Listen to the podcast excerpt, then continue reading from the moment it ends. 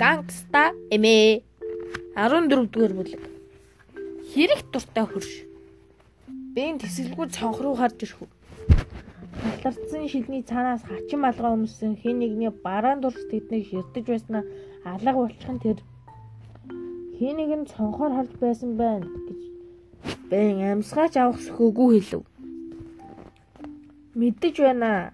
Чам битгий эргэж хар гэж хэлсэн байхаа хэмээн эмээ дуугарлаа.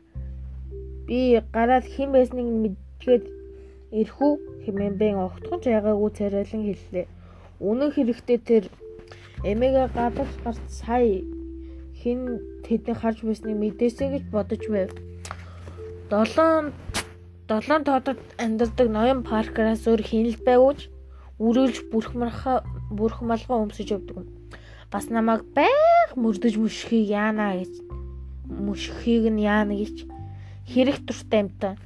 Яагаад тэгдэг юм бол юм мөрөө авчиад мэдхгүй толгоон дараад байдаг юм бэлгүй гэв. Юу үгүй дээ малгайг нь хэлсэн биш. Яагаад таныг мөрдөөд байд юм болоо гэж чөлөөнд гарсан цагдаагийн хошууч юм гисэн.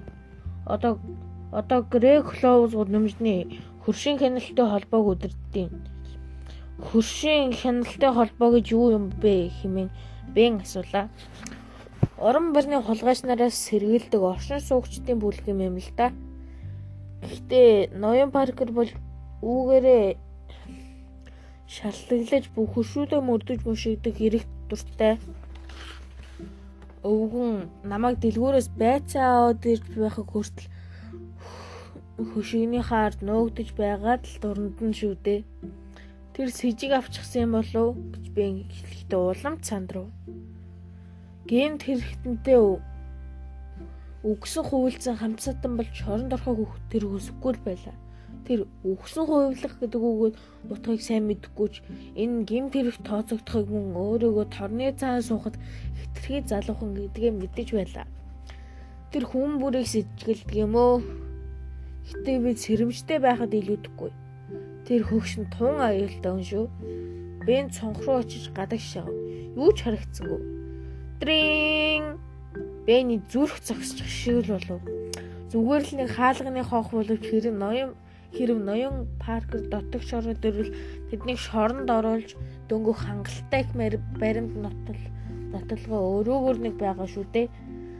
Хаалга битгээнэгээрээ хэмээн бэн хэлээд өрөөний гол дэлгэж тавьсан үнэт эдлэлүүдийг жирэмгийн төвөрс төмөр сав руу хамаг хурдаараа буцаан хийж эхлэв. Битгийнэ гэдэг чинь юу гэж байгаа юм бэ? Тэр дүнгэцээ биднийг байгааг харчихсан шүү дээ. Чи очоод хаалгаа тайл. Харин би эднийг нууя. Би юу? Тийм ээ түргэлж үз. Дрин Хонх энэ удаад илүү шавдуулсан байдалтай дуурах шиг санагдлаа. Ноён Паркер хонхны төвчлөр дээр өмсгөөсөж удаан дарж байв. Бэн тайвшрахыг хичээж гүнзгий амьсгаа авч хонглын төгсгөлтэй хаалган дээр ирлээ. Тэгэд хаалгаа нэв. Хаалганы цан үнэхээр л тэнэг малгай өмсөн нэгээр зогсож байлаа. Надад итгэхгүй байна уу? Тэгвэл өөрөөсөө ямар малгай өмснийг нь хар л та. За химэн бэн гонгонон дуугараад танд юугаар туслах вэ гэв. Ноён паркер хаалгыг хаалгахгүй тулд нэг хөлөө босго давуулан зогслоо. Чи хинбэ гэж тэрээр хамраа гуншин зандрав. Том хамартай болохоор хүний хэрэг тошууд үрэх дуртай болчихсон юм болов. Том хамартай дээрээс нь гуншиж ярддаг тул ямар чухал зүйл хэлсэн бөө үнэхэр хөгөн сонсогдоор ажээ. Харин үдэн чөтгөрийнх шиг улаанаар эргэлтэн. Би эмээгийн нааз байна гэж эмээ бэн төгдөрлээ. Яагаад ингэ хэлчихвэ хэмээн өөрийгөө гайх. Өөрийгөө гайхав. Үннийг хэлэхэд бэн ихэд сандарсан байсан бол хэлэнч түн захирагдахгүй байлаа. Найз гинэ хэмээн ноён паркер уцаар уцаарлаад хаалгыг түлхэв. Бэн Бэнээс хүчтэй хүчтэй тул тэр Бэнээс хүчтэй тул түлхсээр байгаад ороод ирлээ. Ачхүү гэж хэлэх гэсэн л да ноён паркер Бэн ухарлаа.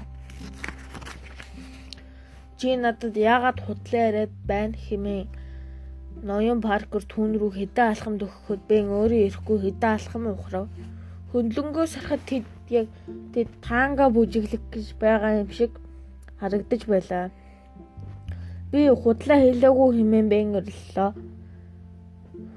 Тэд зочны өрөөний хаалга хаалганд тулж иржээ. Өрөөний шалан дээгүүр тараасан үнэт идлэлийг санаад бэн тааш орж болохгүй гэж хашгирав. Яагаад болохгүй гэж? Хм, юу л та имэн нүцгий яг хийж байгаа. Би энэ түүнийг зочны өрөөнд орж үнэт идлэлүүдийг харахаас өмнө тийш орж болохгүй ноцтой шалтгаан бодож орох хэрэгтэй байлаа.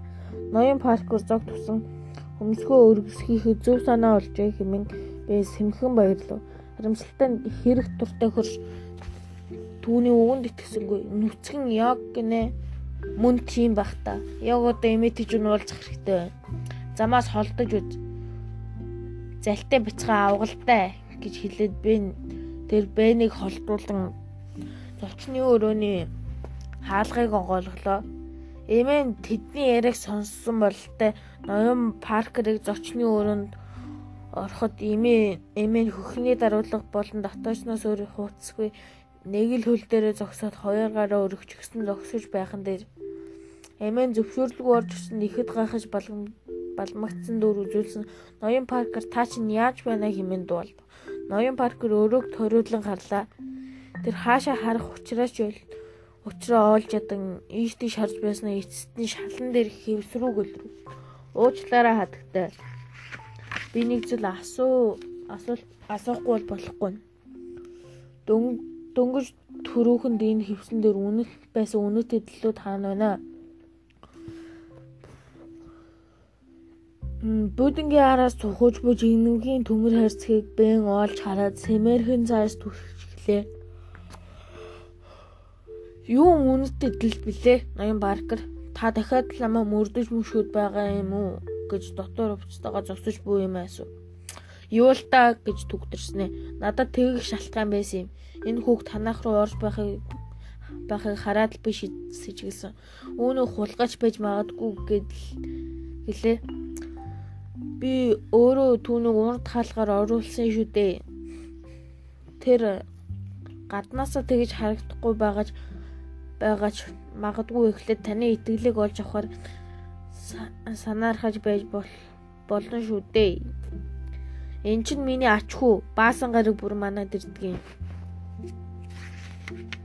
Аха химээ ноён баргэр ихэд хөхүүнээр дуу алдаад. Гэтэ өнөөдөр чинь баасан гараг биш шүү дээ. Тэгэхээр яагаад сэжиглэх болсныг минь ойлгоо. Грек Клоузийн хөршийн хяналтын дараагийн хувьд би с ิจ гтэй зүйл харахалан бол цагдаад мэддэж байх ёстой. Харин таныг өөрөг чинь л цагдаад мэддэгтэр банда ноён Паркер химэн бэн хэллээ. Эмэн түн рүү гайхарлаа. Яалаа гэж тэрүүлээ химэн мөнөөхийг асуух үед бэн түүний нүд байдгаараа онийн улаанаар эргэлхийн зэрэгцээ толгой дотор нь гал гарч байх шиг санагдав. Настай эмэгтэйчүүдийг нүцгэн байхад нь Нууцаар харсан хэрэгээр хэмээн бэ хөвжөлтэй наргагүй ирэхэд эмийн түн рүү ирмэв.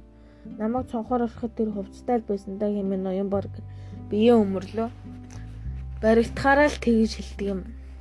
Харин одоо ингэсний ингэснийхээ төл цагтад баярчлах баривчлагдах гээгүүлийн бол манайхаас хурдхан гарч үз гэж эмээ нэмлээ.